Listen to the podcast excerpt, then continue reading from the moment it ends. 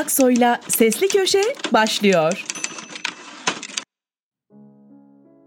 Barış Terkoğlu Bulutlar açmadı, mavi gök orada mı? Renkleri gözünle, tatları dilinle. Ya aşkı? Çok uzakta, yine de dokunmadan hissedebiliyorsun. 28 Şubat davasını anlatan Size Yalan Söylediler kitabımızı Sami Menteş'le imzalıyorduk. Masamızda hapisteki komutanların eşleri de vardı.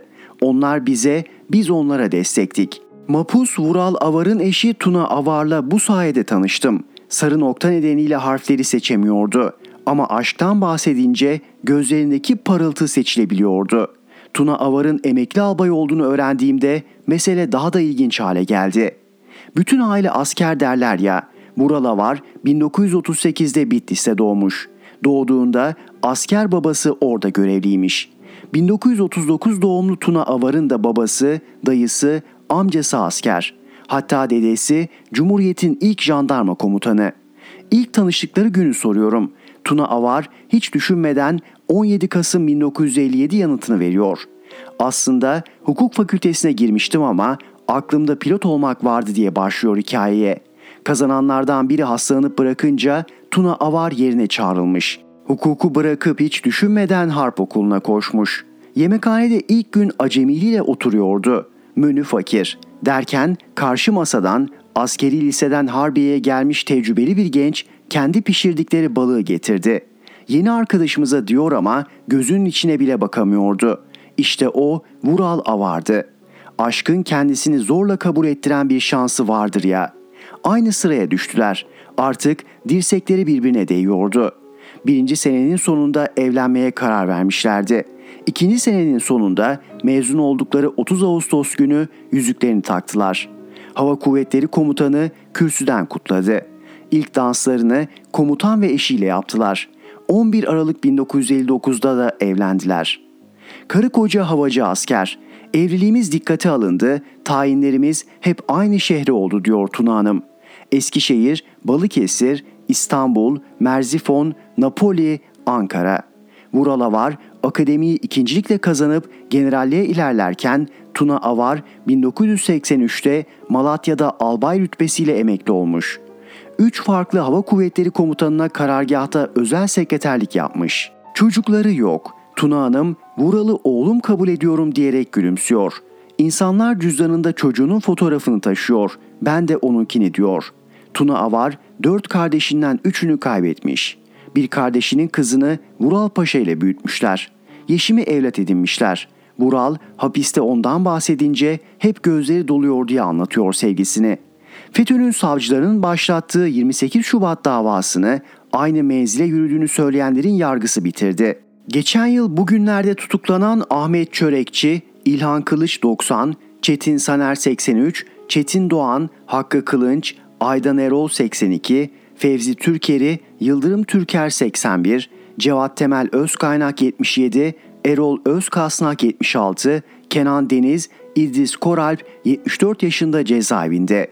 Geçen yıl 20 Ağustos'ta tutuklanan Vural Avar da 84'ü aştı. 10 yıl önce 19 ay hapiste kalmıştı. O zaman daha gençtim. Şimdi protezlerim var, gidip gelmek daha zor diyor Tuna Hanım. 10 yıl önce mahkemede jandarmaların arasına ben de askerim diye daldığını, bir anda Vural Paşa'yı öptüğünü söylüyor. Şimdi de pandemi sebebiyle maskeyle yapılan açık görüşteki halini maskesini indirip öptüm diye anlatıyor. O kadar kural tanımazlık da olsun diyerek gülüyor. Görev başındayken mesaide yaşananların evde konuşulmadığını, bütün hayatlarının nasıl prensiplerle geçtiğini hatırlatıyor. Vural Avar, Genelkurmay Genel Plan ve Prensipler Başkanıydı. Mahkemede benim için 28 Şubat süreci 28 Şubat 1997'de başladı, emekli olduğum 30 Ağustos 1998'de bitti demişti. Tuna Hanım Vural Paşa'nın emeklilik gününü hatırlıyor. Gayet normal karşıladım. Öyle ki o gün misafirlerimiz vardı. Vural içeri çağırıp biraz üzülmüş gibi yapar mısın dedi. Ben de bunca yıldır benimle birliktesin.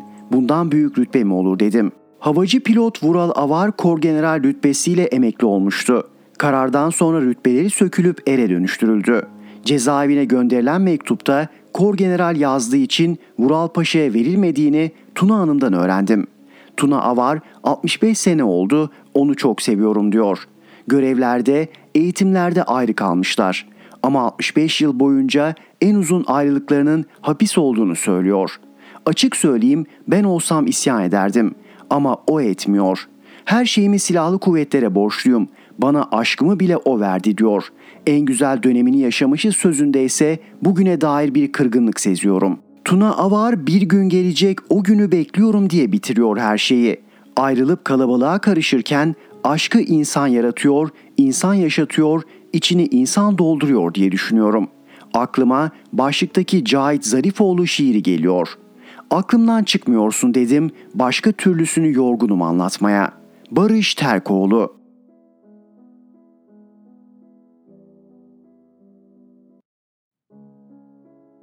Elçin Poyrazlar, Şeytan Ayetleri Şeytan Ayetleri kitabının yazarı Salman Rushdie, ABD'de geçen hafta uğradığı bıçaklı saldırıda ağır yaralandı. 1989 yılında İran'ın ruhani lideri Ayetullah Humeyni şeytan ayetlerinde İslam'a hakaret edildiği gerekçesiyle Rüşdi hakkında ölüm fetvası yayınlamıştı. Rüşdi 33 yıl boyunca ölüm fetvasına rağmen yazmaya, fikrini beyan etmeye devam etti ve düşüncelerini sansürlemeyi reddetti. Bunun için hayati bir bedel ödedi. Rüşdi'nin New York eyaletindeki bir konferansta hayatına kastedilmesi hiç sönmeyen bir kinin, nefretin ve bağnazlığın vücut bulmuş hali. 33 yıllık süreçte düşünce ve ifade özgürlüğünü savunan, her türlü baskı ve yasaklara karşı mücadele eden herkes bu kinden payını aldı. 1993 yılında Sivas Madımak Oteli'nde 33 yazar, sanatçı ve düşünür şeriat sloganları atan binlerce kişilik radikal bir kalabalık tarafından yakılarak katledildi. Aziz Nesin olaydan iki ay önce Aydınlık gazetesinde şeytan ayetlerinin bazı kısımlarını yayımlamaya başlamış ancak gazete toplatılmıştı. Şeytan ayetleri İslam ülkelerinde yasaklandı. Pek çok yerde gösterilerle protesto edildi. Kitabın çevirmenlerine saldırılar düzenlendi. Şeytan ayetleri Türkçe'de hiç basılmadı. İran Rüşdi'ye geçen hafta yapılan saldırıyı doğrudan üstlenmese de bundan duyduğu memnuniyeti de saklamadı. ABD medyasında 24 yaşındaki saldırgan Hadi Matar'ın olaydan önce İran devrim muhafızlarına bağlı Kudüs gücüyle bağlantı kurduğu iddiaları yer alıyor. Kendisi doğmadan önce yayımlanan bir kitaba öğrenilmiş bir nefretin kuşaktan kuşağa geçirilmesi ve işlevselleşmesi adına bu saldırı tarihe geçecek.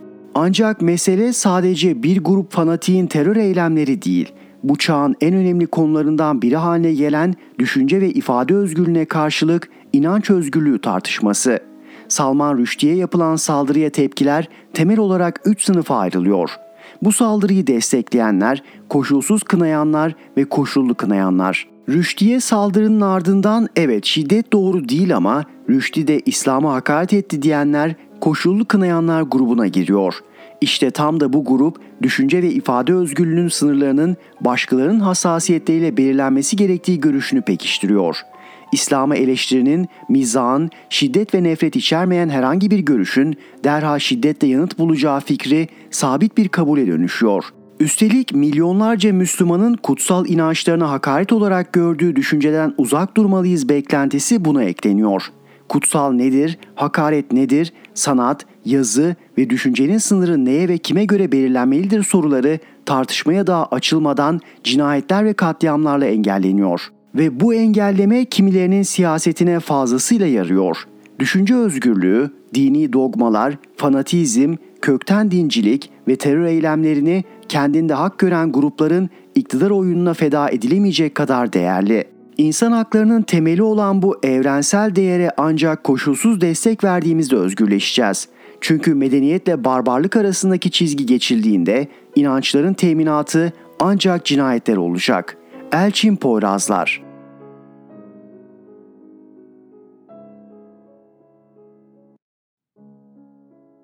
Fatih Altaylı Göçmen Seçmenler CHP Genel Başkanı Kemal Kılıçdaroğlu oy kullanacak Suriyeli göçmen sayısı o kadar da çok değil. 400-500 binli sayılar abartı deyince Ümit Özdağ mesaj attı.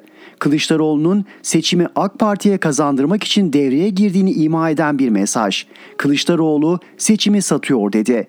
Ağır bir ithamdı. Gerekçelerini sordum.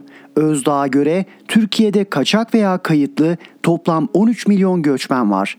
Abartılı bir sayı değil mi soruma çok üst kaynaklardan teyitli, kesin sayı yanıtını verdi. Peki bunlardan kaçı seçmen, kaçı oy kullanma hakkına sahip diye sordum bu kez. Özdağ, Kemal Bey çok yanılıyor. Onun abartılı dediği, yok o kadar dediği 400-500 bin sayısının birkaç katı. Tek tek tespit yapıyoruz. Bunu kısa süre sonra basın toplantısı ya da bir televizyon programı ile açıklayacağız. Ama tam sayı vermek istiyoruz. Bizim bu çalışmayı yürüttüğümüzü anlayınca sayıları kapattılar. Özdağ'ın şimdilik yazılmamak koşuluyla verdiği sayılar korkunç. Zafer Partisi Genel Başkanı sadece İstanbul'da günde en az 70 aile vatandaşlık alıyor iddiasında. Ardından CHP'deki tanıdıklara Kılıçdaroğlu'nun neden böyle bir açıklama yaptığını, dayanaklarını sordum. Oradan gelen bilgiye göre CHP uzun zaman sonra ilk kez seçmen kütükleriyle ilgili bir çalışma yürütmeye başlamış. Burada canlı görünen ölüler kızlık soyadıyla ayrı, evlendikten sonra ayrı vatandaşlık numarasıyla iki kişi görünen tek kişiler, 1928'de evlenen ve hem baba hanesinde hem eşinin hanesinde kayıtlı duran ve ama aslında yıllar önce ölmüş seçmenlere ya da vatandaşlıktan çıkarılan ama kaydı kapanmayan ve yeniden vatandaşlığa alınınca bir kez daha kayıt açılan ve çift kişi haline gelen seçmen kayıtlarına rastlamışlar. Bunları düzelttirmeye başlamışlar. Buradan edindikleri bilgilere dayanarak Kılıçdaroğlu o kadar fazla Suriye doğumlu seçmen yok diyormuş. Yani CHP devletin resmi kayıtlarına güveniyor. Özdağ ise gerçek kayıtların saklandığını söylüyor. Bu arada El-Kaide lideri vatandaş yapıldığı iddiasına İçişleri Bakanlığı El-Kaide değil ÖSO üyesi yanıtını verdi. İddiayı ortaya atan CHP, CHP'liler keşke benim yazılarımı okusalar. 25 Haziran günü tüm bunları yazdım ve sordum. Çok güvenilir kaynaklardan aldığım bilgiler Mısır'daki Müslüman Kardeşler Örgütü üyelerinden, Suriye'deki ihvancılardan ve diğer muhalif gruplardan on binlerce kişinin çoktan Türk vatandaşlığına geçirildiğini gösteriyordu. Ben de bunu yazıp sordum. Kaç Müslüman kardeşi vatandaş yaptınız diye. Bunlardan kaçı El Nusra veya başka Selefi örgütlere mensup bunu da bilmiyoruz. Ama hepsi artık vatandaşımız. Türkiye sağlık parayla Suriyeliye güzellik bedava. Birkaç gün önce Suriye vatandaşı olmak istiyorum, Suriyeli olarak Türkiye'ye gelip Türklerin yararlanamadığı demokratik haklardan faydalanmak istiyorum diye yazdım. Türk vatandaşlarının en ufak bir hak arayışında bulunduğu anda dayak yediği Türkiye'de Suriye kökenli geçici sığınmacılar hükümet aleyhtarı gösteri ve yürüyüş yapmakta, Türk bayrağı yakmakta, kamu binalarının camını çerçevesini indirmekte dahi serbesttiler. Benim o kadarına niyetim olmasa da en azından Taksim'de bir 1 Mayıs kutlamak, ekonomik koşulları protesto etmek için sokağa çıkmak için Suriyeli olmaya ihtiyacım vardı. Bu yüzden Suriye vatandaşı olmak ve Türkiye'ye göçmen olarak gelmek istiyordum. Gerçi Suriye'nin turizm tanıtım reklamlarını ve Humus'taki festivalin görüntülerini görünce kalmak da fena seçenek olmayabilir. Çünkü Türkiye'de gençlik festivalleri güvenlik gerekçesiyle yasaklanırken güvenliksiz Suriye'de rahatça yapılabiliyor. Neyse konuyu dağıtmayayım. Ben bu nedenlerle Türkiye'de Suriyeli olmak istiyorum deyince okurlardan epey bir tepki geldi.'' Sadece o mu vergi vermezler, askerlik yapmazlar, sağlık hizmetlerinden bedava faydalanırlar, suça karışınca konu örtbas edilir. Üstüne bir de her ay ellerindeki kartlara para yüklenir diyen okurlar haklı. Durum aynen bu. Durum tam bir rezalet. Birkaç gün önce yolum İstanbul dışında bir hastaneye düştü. Bir arkadaşımın basit bir işlemi için. Orada doktorlarla sohbet ettik. Anlattıkları kan dondurucuydu. Bir süre önce hastaneye bölgede çiftçilik yapan 60 yaşlarında bir vatandaşımız gelmiş. Haliyle Bağkurlu. Ancak ekonomik koşullar sebebiyle birkaç aydır Bağkur primini yatıramamış. Bu yüzden de sağlık hizmeti alması zor ancak hastalığı da ciddi. Doktorlar bir şekilde tedavisine başlamışlar. Adam bu durumu utana sıkıla mahcup bir şekilde kabul etmiş. Ancak bir de ameliyat gerekiyor ve tedavi bir şekilde halledilse bile ameliyat kayda alınmak zorunda. Sonuçta çiftçi amca çok yüksek olmayan ama yine de onun gelirine göre ciddi bir bedel ödemek zorunda kalmış. O bedeli de borç harç ödeyebilmiş. Aynı günlerde hastaneye bir de Suriyeli göçmen müracaat etmiş.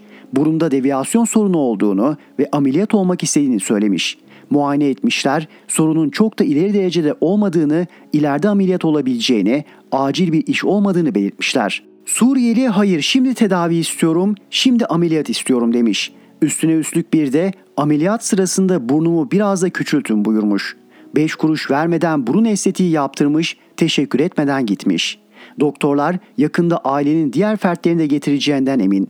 Peki bu gereksiz ameliyatın masraflarını kim ödüyor diye sordum, güldüler. Sarf malzemesi hastaneden hekimler bu iş için ekstra para almıyor. Sonuçta masraflar hastane döner sermayesinden çıkıyor. Yani hastane çalışanlarının ay sonunda alması gereken paradan artı vatandaşların gelirlerinden dediler. Anlayacağınız Suriyeli göçmenleri sadece yedirip içirmiyoruz. Bir de güzelleştiriyoruz. Takdir. Diyanet 3 imam ve 1 müezzine eskort kadınlarla birlikte oldukları iddiasıyla soruşturma açmış. Din görevlilerinin seks işçisi kadınlarla caminin telefonundan görüştükleri ortaya çıkmış. Bu işe dahil olan imam ve müezzin sayısı çok daha fazla olabilirmiş.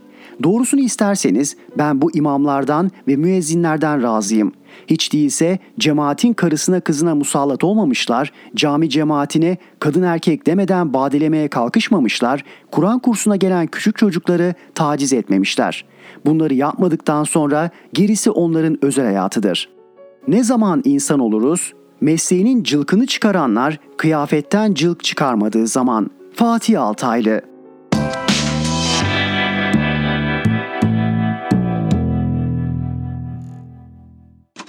Erhan Gökayaksoy'la Sesli Köşe devam ediyor. İsmail Saymaz Katil Esed'den yeniden kardeşim Esad'a.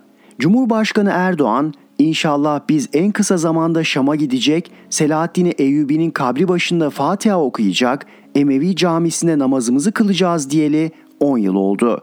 Geçen 10 yılda Arap ülkelerinin iç siyasetine, birbirleri arasındaki çatışmalara müdahil ve taraf olmama şeklindeki Atatürk'ün çizdiği geleneksel çizgi küçümsendi. Yetkin diplomatlar monşerler diye aşağılandı. Fatih Camisi'nin arka sokaklarındaki rutubetli çay ocaklarında pinekleyen bir avuç radikal İslamcı meczubun cihat hayallerinin peşinde sürüklendi Türkiye. Bu uğurda Suriye'de iç savaşa taraf olundu ve ÖSO silahlandırıldı. El-Kaide ve IŞİD'in çağrısına uyan teröristler cihat otobanına çevirdikleri sınırımızdan Suriye'ye geçti. Sınırın karşı yakasında PKK ve IŞİD ve El-Kaide devletçikleri kuruldu. Bu örgütler ülkemize canlı bomba sokup kanlı katliamlar gerçekleştirdi. Selefiler ülkemizde 10-20 bin kişilik tabana ulaştı. Suriyeli sığınmacıların sayısı 100 bini geçtiğinde kritik eşik aşıldı denilmişti. 100 bin 5 milyon oldu. Sözde biz Suriye'ye girecektik, Suriye bize girdi. Şu an Suriyelilerin yaşamadığı bir şehrimiz yok. Sınırdaki Hatay, Şanlıurfa, Gaziantep, Mardin, Kilis'le Adana ve Mersin'de nüfusun üçte biri Araplaştı. Gündelik dil Arapçaya evrildi. Kuşaklarımızı etkileyecek bir milli güvenlik meselesi yaratıldı. Fırat Kalkanı, Zeytin Dalı ve Barış Pınarı'nda IŞİD ve PKK'ya karşı yüzü aşkın şehit verdik. Rus uçakları 34 askerimizi birden şehit etti. AK Parti askerlerimizi Ruslar vurdu bile diyemedi. Emevi camisinde şükür namazı hayali kuranlardan ötürü Türk camilerinde cenaze namazları kılındı. AK Parti Süleyman Şah Türbesi'nin bulunduğu araziyi bırakıp sırtında türbeyle kaçtı. Savaşta mıydık? Hayır. Suriye karşı savaş ilan etmedik. Ancak etseydik bundan daha ağır bir bilançoyla karşılaşmazdık. Girmediğimiz savaşın kaybedeni olduk. Geçen 10 yılın sonunda stratejik derinlik pusulasıyla yola çıkarılan Türkiye, Suriye çölünde yönünü kaybetti.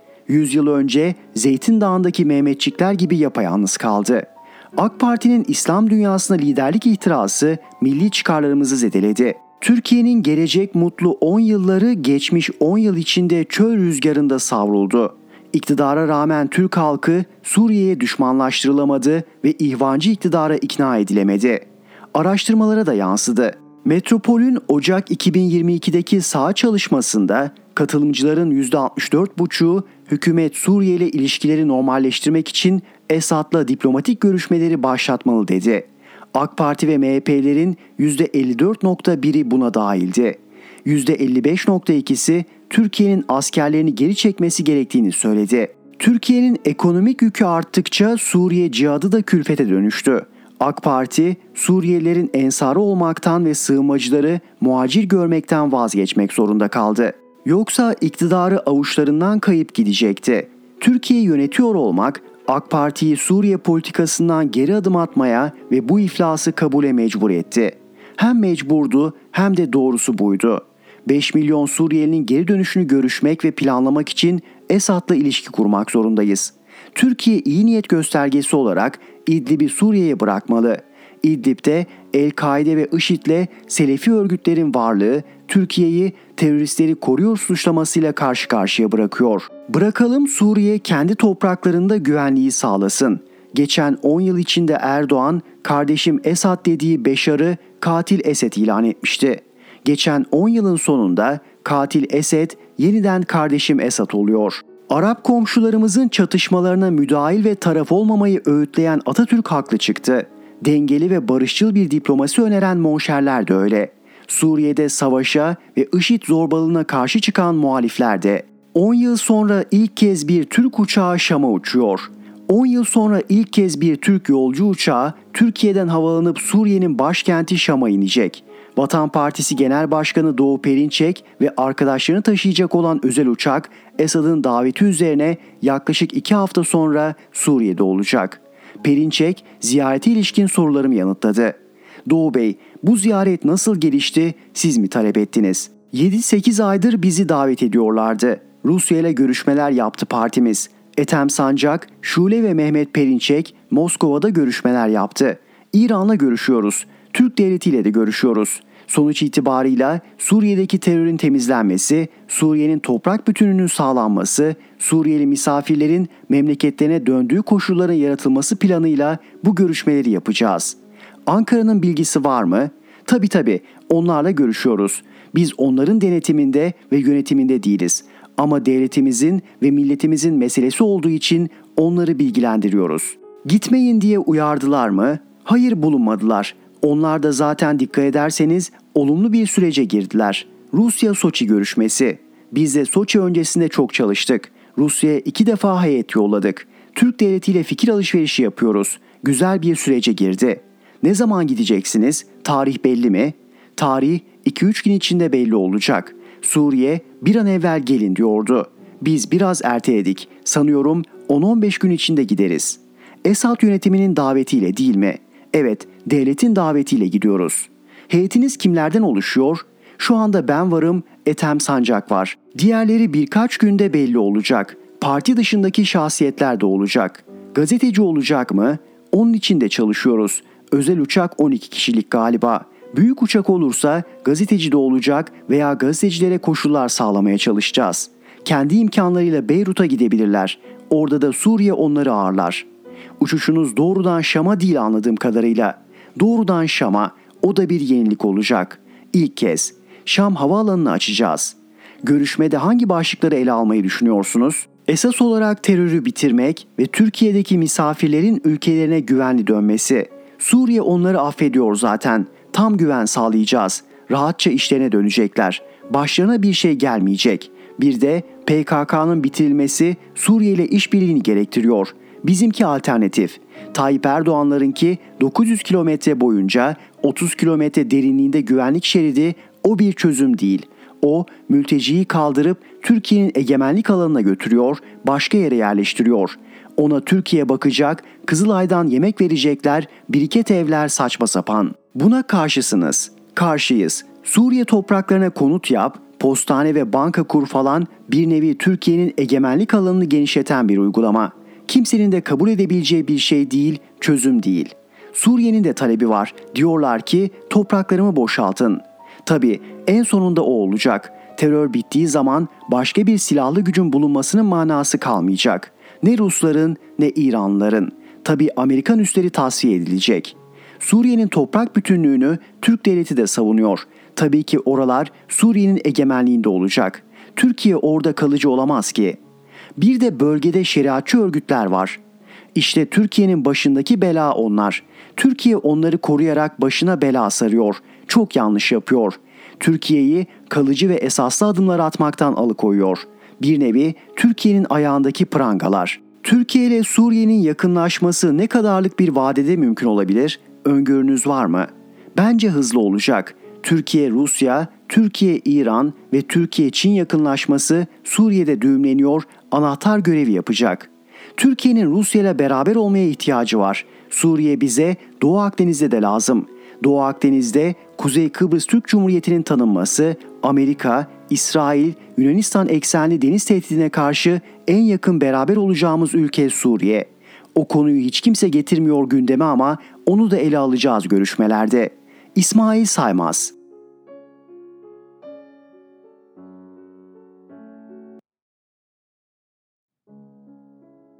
Mafi eğilmez. Kur korumalı mevduat üzerine tartışmalar.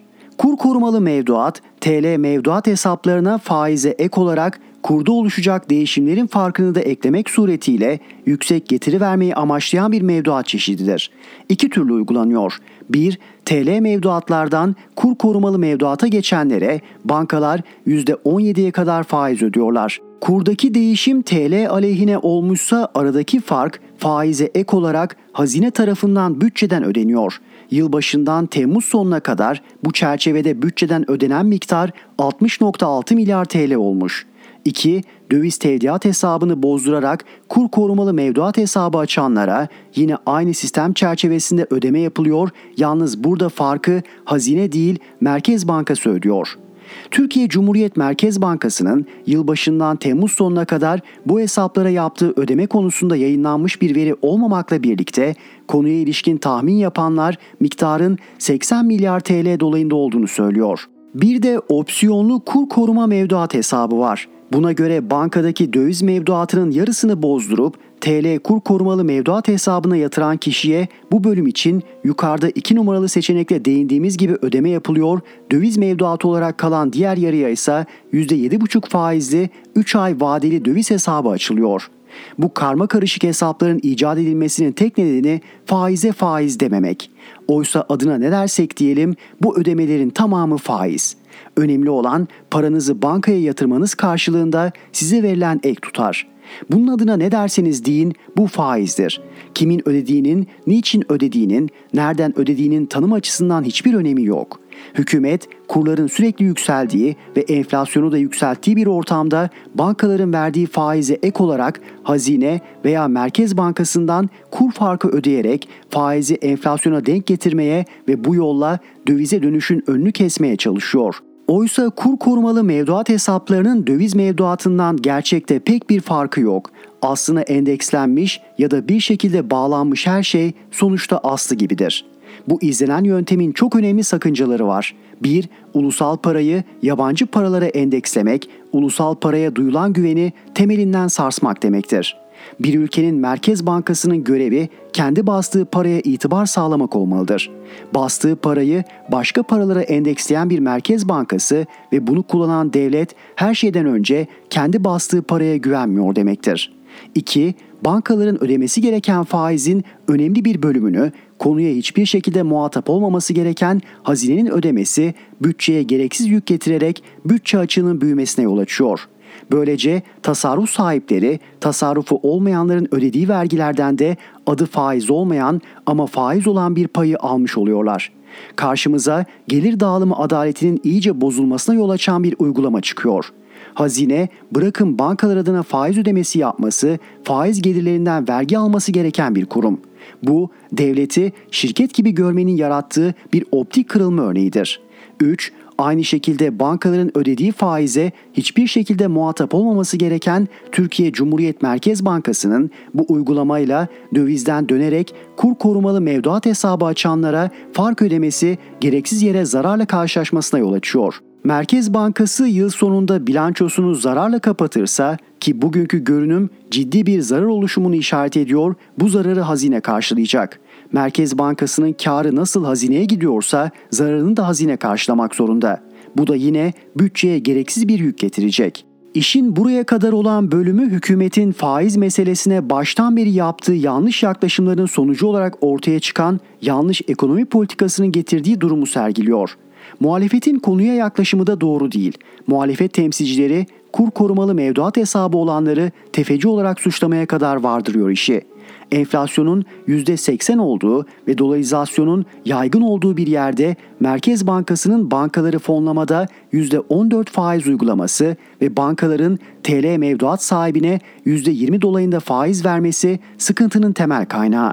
Aslında bankalar normal haline bırakılsa TL mevduata en az enflasyon oranında faiz verecekler. Ama çeşitli baskılarla mevduat faizleri düşük tutulunca tasarruf sahipleri de kur korumalı mevduat hesabı açmaya yöneliyorlar. Bu hesapları açanlar tefeci falan değil, satın alma güçlerini enflasyona karşı korumaya çalışan tasarruf sahipleri. Tefeciler bu faizi beğenmezler. Ne yazık ki muhalefet de iktidar gibi faizi yanlış ele alıyor. Faiz lobisi gibi aslı olmayan hayali düşmanları onlar da dile getiriyor. Oysa hepimiz biliyoruz ki kuru ve dolayısıyla enflasyonu durdurmanın yolu faizi yükseltmek. İktidara gelince yalnızca faizi alacaklar açıklaması yanlış değil. Ama faizi enflasyonun bu kadar altında tutmaya devam edecek olan bir yönetim işin içinden çıkamaz ve bugünkü hükümetin düştüğü faiz tuzağına düşmüş olur. Yanlış olan faizin ve ek ödemenin düzeyi değil, yanlış olan bankaların ödemesi gereken tutarın önemli bir bölümünü hazineye ve Merkez Bankası'na ödetmek. Yanlış olan faize faiz dememek için tasarrufu olmayanların vergilerinden tasarrufu olanlara aktarma yapmak. Mahfi eğilmez.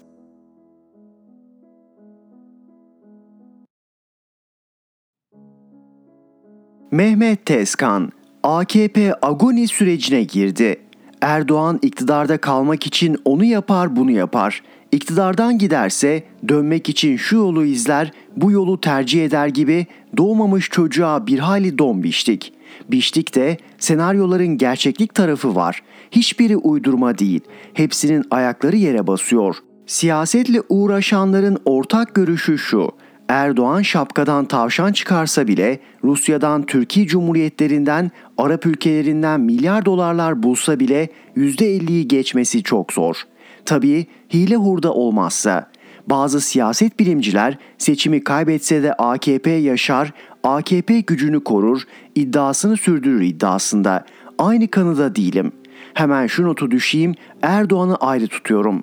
Erdoğan bir şekilde tutunabilir ama AKP siyasi ömrünü tamamladı. Tıp dilinde buna agoni diyorlar. Ölüme giderken el ayak soğumasının başlaması, geri dönülmez yola girilmesi, yaşamla ölüm arasındaki kritik süreç. AKP agoni sürecine girdi. AKP yöneticileri son zamanlarda fikir üretemiyorlar, halkın arasına çıkamıyorlar, ülkenin içinde bulunduğu durumla övünemiyorlar, bırakın övünmeyi savunamıyorlar bile. AKP'nin bu duruma düşmesinde Erdoğan'ın kişisel tercihi veya kahpesiyle yaşanan büyük başarısızlıklar var. Dış politikadaki kararların zaten elle tutulur tarafı yok. Tel tel dökülüyor. En son Suriye meselesi patladı. 11 yıldır devirmek için uğraştıkları Esad'a barış çubuğu uzatıyorlar. Masaya oturmak istiyorlar. İsrail'le, Suudilerle, Bae'yle niye sert kavgalar ettik, neden barıştık? Cevabını bilen var mı? Avrupa ile ilişkiler limoni, ABD ile buz gibi. Dış politika başarısızlıklarla dolu patika yolda ilerlemeye çalışıyor. Ya iç politika, ekonomi desen iflas noktasında. Ülke temerrüte düştü düşecek. Uçan kuştan dolar dilenir haline geldik. Halk bir yılda varını yoğunu kaybetti. Orta sınıf kalmadı. Orta sınıf yoksul sınıf oldu. Başka Kürt açılımı yaptılar, başarısızlıkla sonuçlandı. Alevi açılımı başarısız, Roman açılımı başarısız. Bu sebeple AKP raf ömrünü tamamladı, agoni dönemine girdi diyorum. AKP'nin üst düzey yönetimi İbni Haldun'u sever, Erdoğan da sever. İbni Haldun devletlerin ömründe beş aşama olduğunu söyler ve der ki bir kuruluş devresi. Grupta canlılık ve etkinlik en üst düzeydedir. Henüz geleneksel alışkanlıklarını yitirmemiş, mütevazı ve kanaatkardır. Siyasi lider henüz kendisini vatandaşlarından ayrı tutmaz. 2. Otorite devresi. İktidarı elinde tutan lider kendi grubu üzerinde otoritesini tesis eder, mülkü ve nimetlerini kendisi için istemeye başlar. Grupta rakip olacak ileri gelenler yönetimden uzaklaştırılır. Kendine bağlı, itaatkar kişiler yönetime gelir. 3. Rahatlık devresi. İktidarın meyveleri toplanır, servet genişletilir, şan ve şöhret ön plana geçer. Kendini ölümsüzleştirecek eserler meydana getirilir. Siyasi liderin hem kendi grubunu hem de diğer grupları tam egemenlik altına aldığı dönemdir. 4. Taklit devresi. Siyasi iktidar atalarının bıraktıklarını yeterli görmeye başlar. En doğru yolun kendisine miras bırakılan yolu takip etmek olduğuna inanır. Taklitçilik ve gelenekçilik yenileşmenin önünü tıkar. 5. Savurganlık devresi. Siyasi iktidar atalarından kalan mirası arzu ve hevesine göre israf etmeye ve savurganlık yapmaya başlar. Devlet yönetimine ehliyetsiz kişiler geçirilir. Devletin çözülme süreci başlar. Ordusunun ve memurunun giderlerini karşılayamaz hale gelir ve yıkılır. AKP'ye normal siyasi parti olarak bakmayın. Türkiye parti devlet düzeniyle idare ediliyor. Soruyorum, AKP parti devleti İbn Haldun'un listesinde kaçıncı aşamada? Şuna da dikkatinizi çekmek isterim. Başarısızlıkların ötesinde AKP'yi bu duruma sokan bizzat Erdoğan. Kurumsallaştırmadı.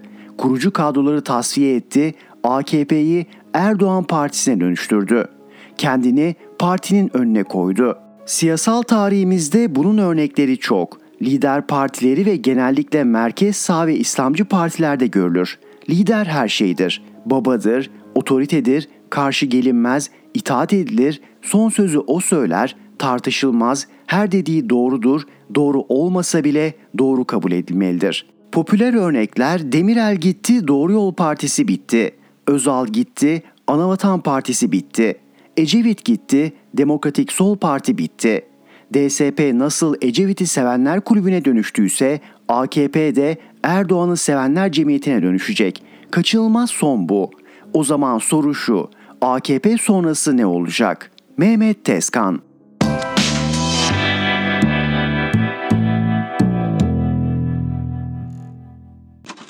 Erhan Gökayaksoy'la Sesli Köşe devam ediyor.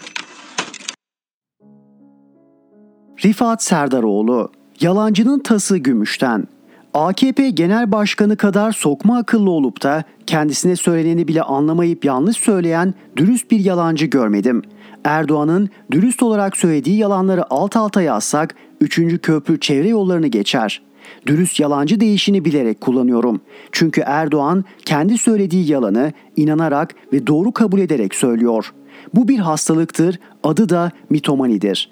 Erken teşhis edilirse tedavisi mümkündür. Aradan yıllar geçip hastalık sahibi kaşarlaşınca tedavi maalesef olumlu yanıt vermez. İşte Erdoğan'ın dürüstçe yalan söylemesi böyle bir şey. Bilmediği için önüne ne konursa ona inanıp söylüyor, Perinçek'in ortağı garibim.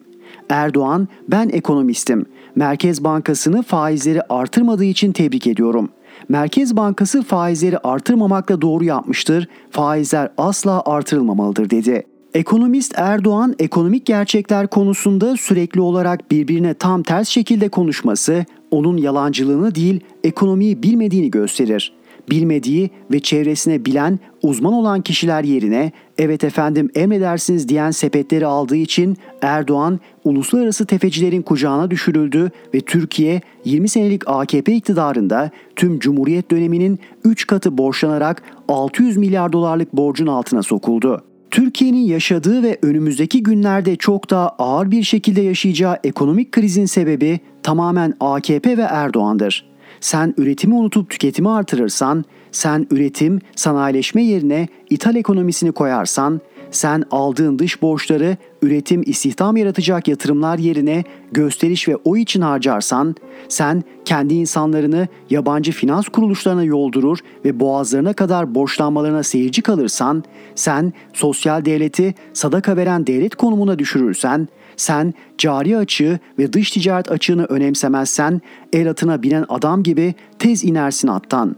Hoş sen ata da binemedin, daha doğrusu at bile seni sırtından attı ama Erdoğan nas böyle diyor bize laf düşmez. Bize nasıl uymak düşer dedi. Bunu duyan altın sırma işlemeli cübbesi elinde sultan kılıcıyla söze balıklama dalarak fiyat artışları Allah'tan siz kullara uymak ve sabretmek düşer diye fetva verdi.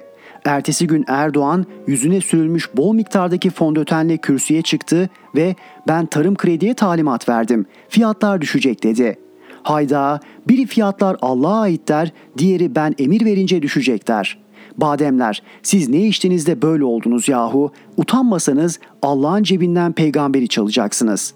Ekonomik düzeltmeyi, fiyatları indirmeyi emirle yapmaya kalkman boş iş. Sen gıda fiyatlarını mı düşürmek istiyorsun? Dinle o zaman. Tek adam hükümetinin yani senin Türk çiftçisine kanunla düzenlenmiş 348 milyar TL borcu var. Önce çiftçiye olan borcunu öde. Çiftçi yeniden üretmeye başlasın, bak gör fiyatlar nasıl ucuzlayacak.'' Yazıyı AKP'li devlet büyüklerine nasihatle bitirelim. Dinlerler mi? Dinlerlerse hepimize, dinlemezlerse ikimize. AKP'li bebişler, sizin için enişte çok önemli bir kavramdır, biliyorum. Darbeyi bile enişte haber vermeseydi bugün FETÖ'nün ininde ayakçılık yapıyor olacaktınız. Hamamtası Gümüşten şarkısındaki enişten kelimesi yerine siz bacanak, birader, mahtum, damat yazıp yüksek sesle söyleyin. Hepsi aynı tas nasılsa tamam mı?'' Hamam tası gümüşten yeni çıkmış o işten. Seni hırsızlığa alıştıran o nokta nokta enişten. Rifat Serdaroğlu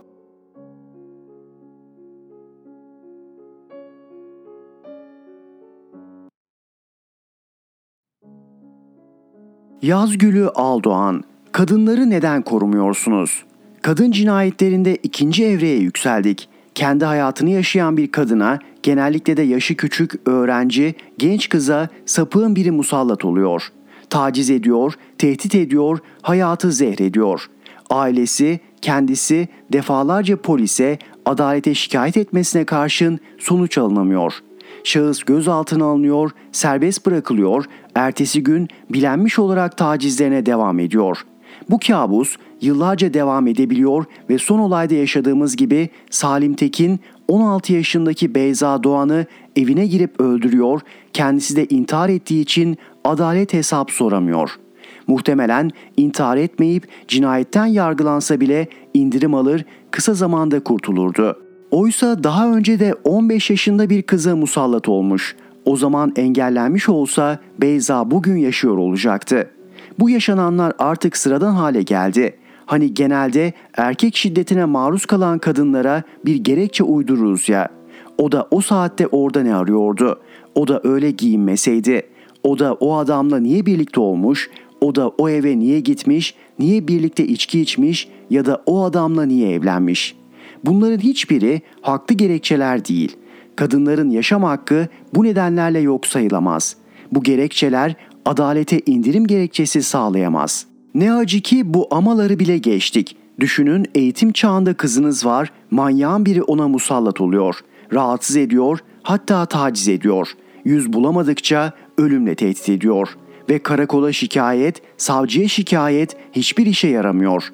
Bu nasıl bir düzendir? Kadınların, genç kızların can güvenliğinin olmadığı bir ülkenin Taliban rejiminden ne farkı var?'' Bir tanıdığımın başına böyle bir tehdit vakası gelmişti ve bakandan yardım istediğinde kızı korumaya alalım önerisi gelmişti. Yani ailesinden, okulundan, hayattan izole edilecek ve sığınma evinde mapus hayatı yaşayacak.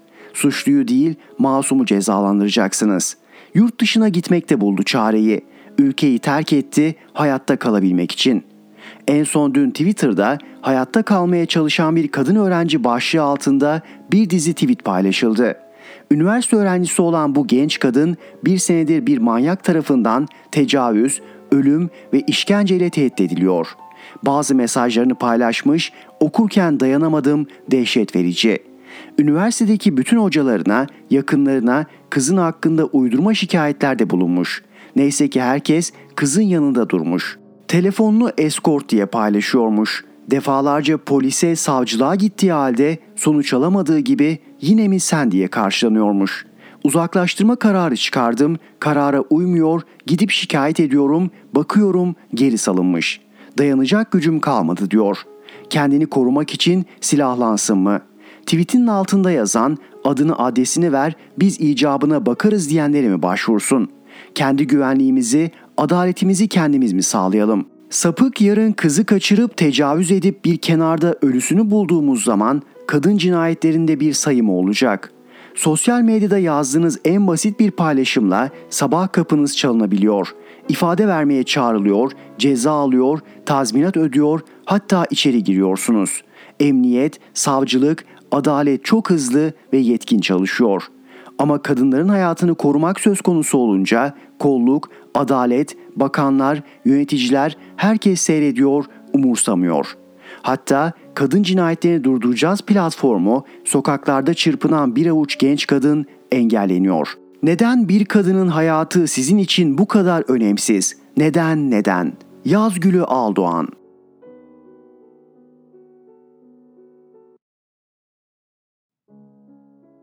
Zeynep Gürcanlı, işler karıştı.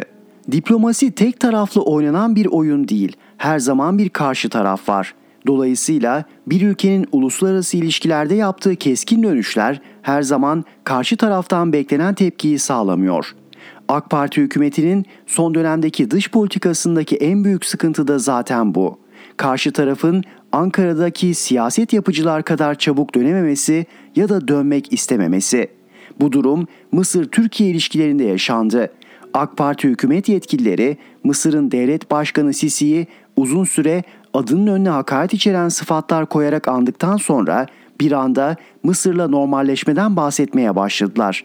Ancak normalleşme adımlarının üzerinden aylar geçmesine rağmen hala Kahire'den istenen karşılık bulunmuş değil. Keza Kaşıkçı cinayeti sonrasında azmettirici olduğu sürekli ima edilen Suudi Veliaht Prensi Muhammed Bin Salman'la barışma da pek AK Parti hükümetinin istediği gibi gitmedi.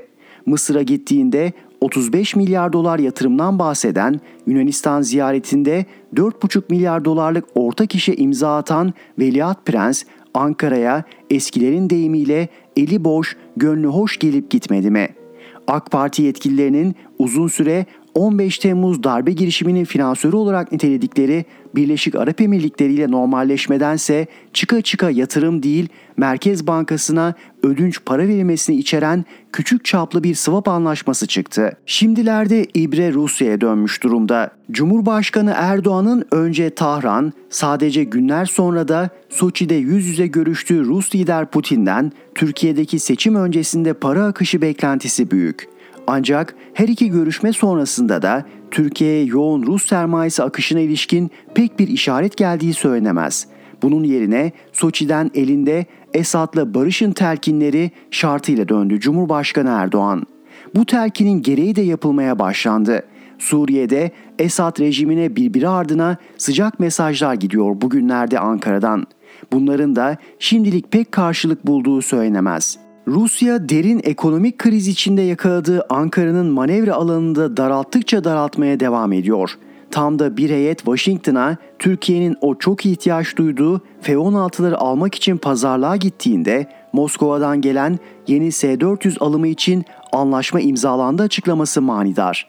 Savunma Sanayi Başkanlığı yetkilileri herhangi bir yeni S-400 anlaşması yok deseler de Ankara'nın sicili malum. Herkesin kafasındaki soru işaretleri daha derin artık Moskova'dan gelen bu açıklamalardan sonra.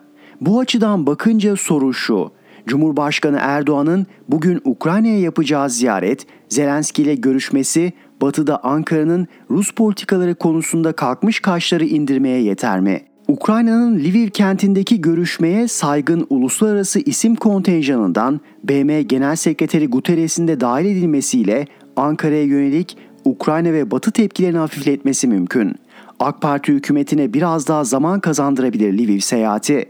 Ancak Batı'da Türkiye'ye yönelik giderek artmaya başlayan Rus ambargolarına katıl baskısı düşünüldüğünde Erdoğan'ın kazanacağı zamanın öyle pek de uzun olamayacağı aşikar. AK Parti hükümetinin Esad rejimiyle barışma hamlesinde de işler karışık. Suriye'nin yeni savunma bakanı Ali Mahmut Abbas, Moskova'da katıldığı bir güvenlik toplantısında yaptığı açıklamalarda Türkiye konusunda Esad rejiminden bugüne kadar gelen açıklamaların tonunu yumuşatmadı.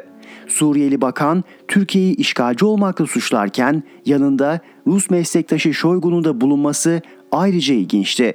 Belli ki AK Parti hükümetiyle Esad rejimi arasında ara buluculuğa soyunan Ruslar Ankara'da yakaladıkları başarıyı henüz Şam'da bulamamışlar. Tüm bunların üzerine bir de Suriye resmi haber ajansının Esad ordusu yetkililerine dayanarak yayınladığı haber geldi.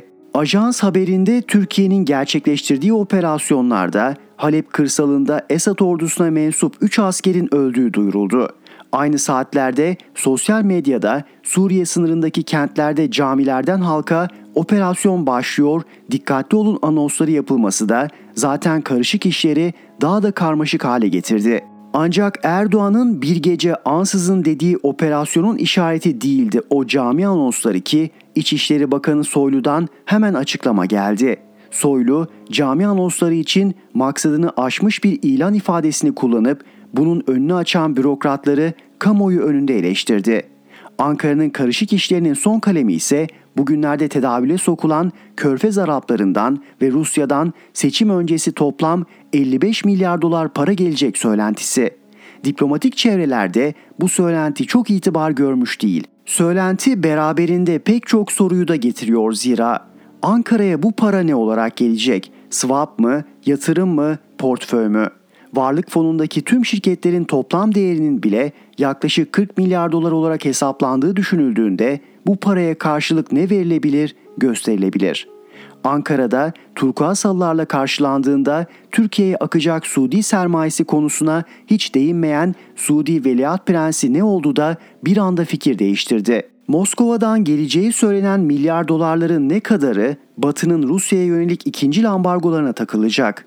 Bu kadar yüklü miktarda para uluslararası alanda istihsa ile anılan Türkiye'deki mevcut ekonomi yönetiminin kontrolüne aktarılacak? Bu arada BBC'den Ayşe Sayın'ın haberinden Hazine ve Maliye Bakanı Nebati'nin AK Parti içinde bile pek popüler olmadığını da öğrendik. Kısacası Ankara'da işler karışık, algı çok, icraat pek yok. Zeynep Gürcanlı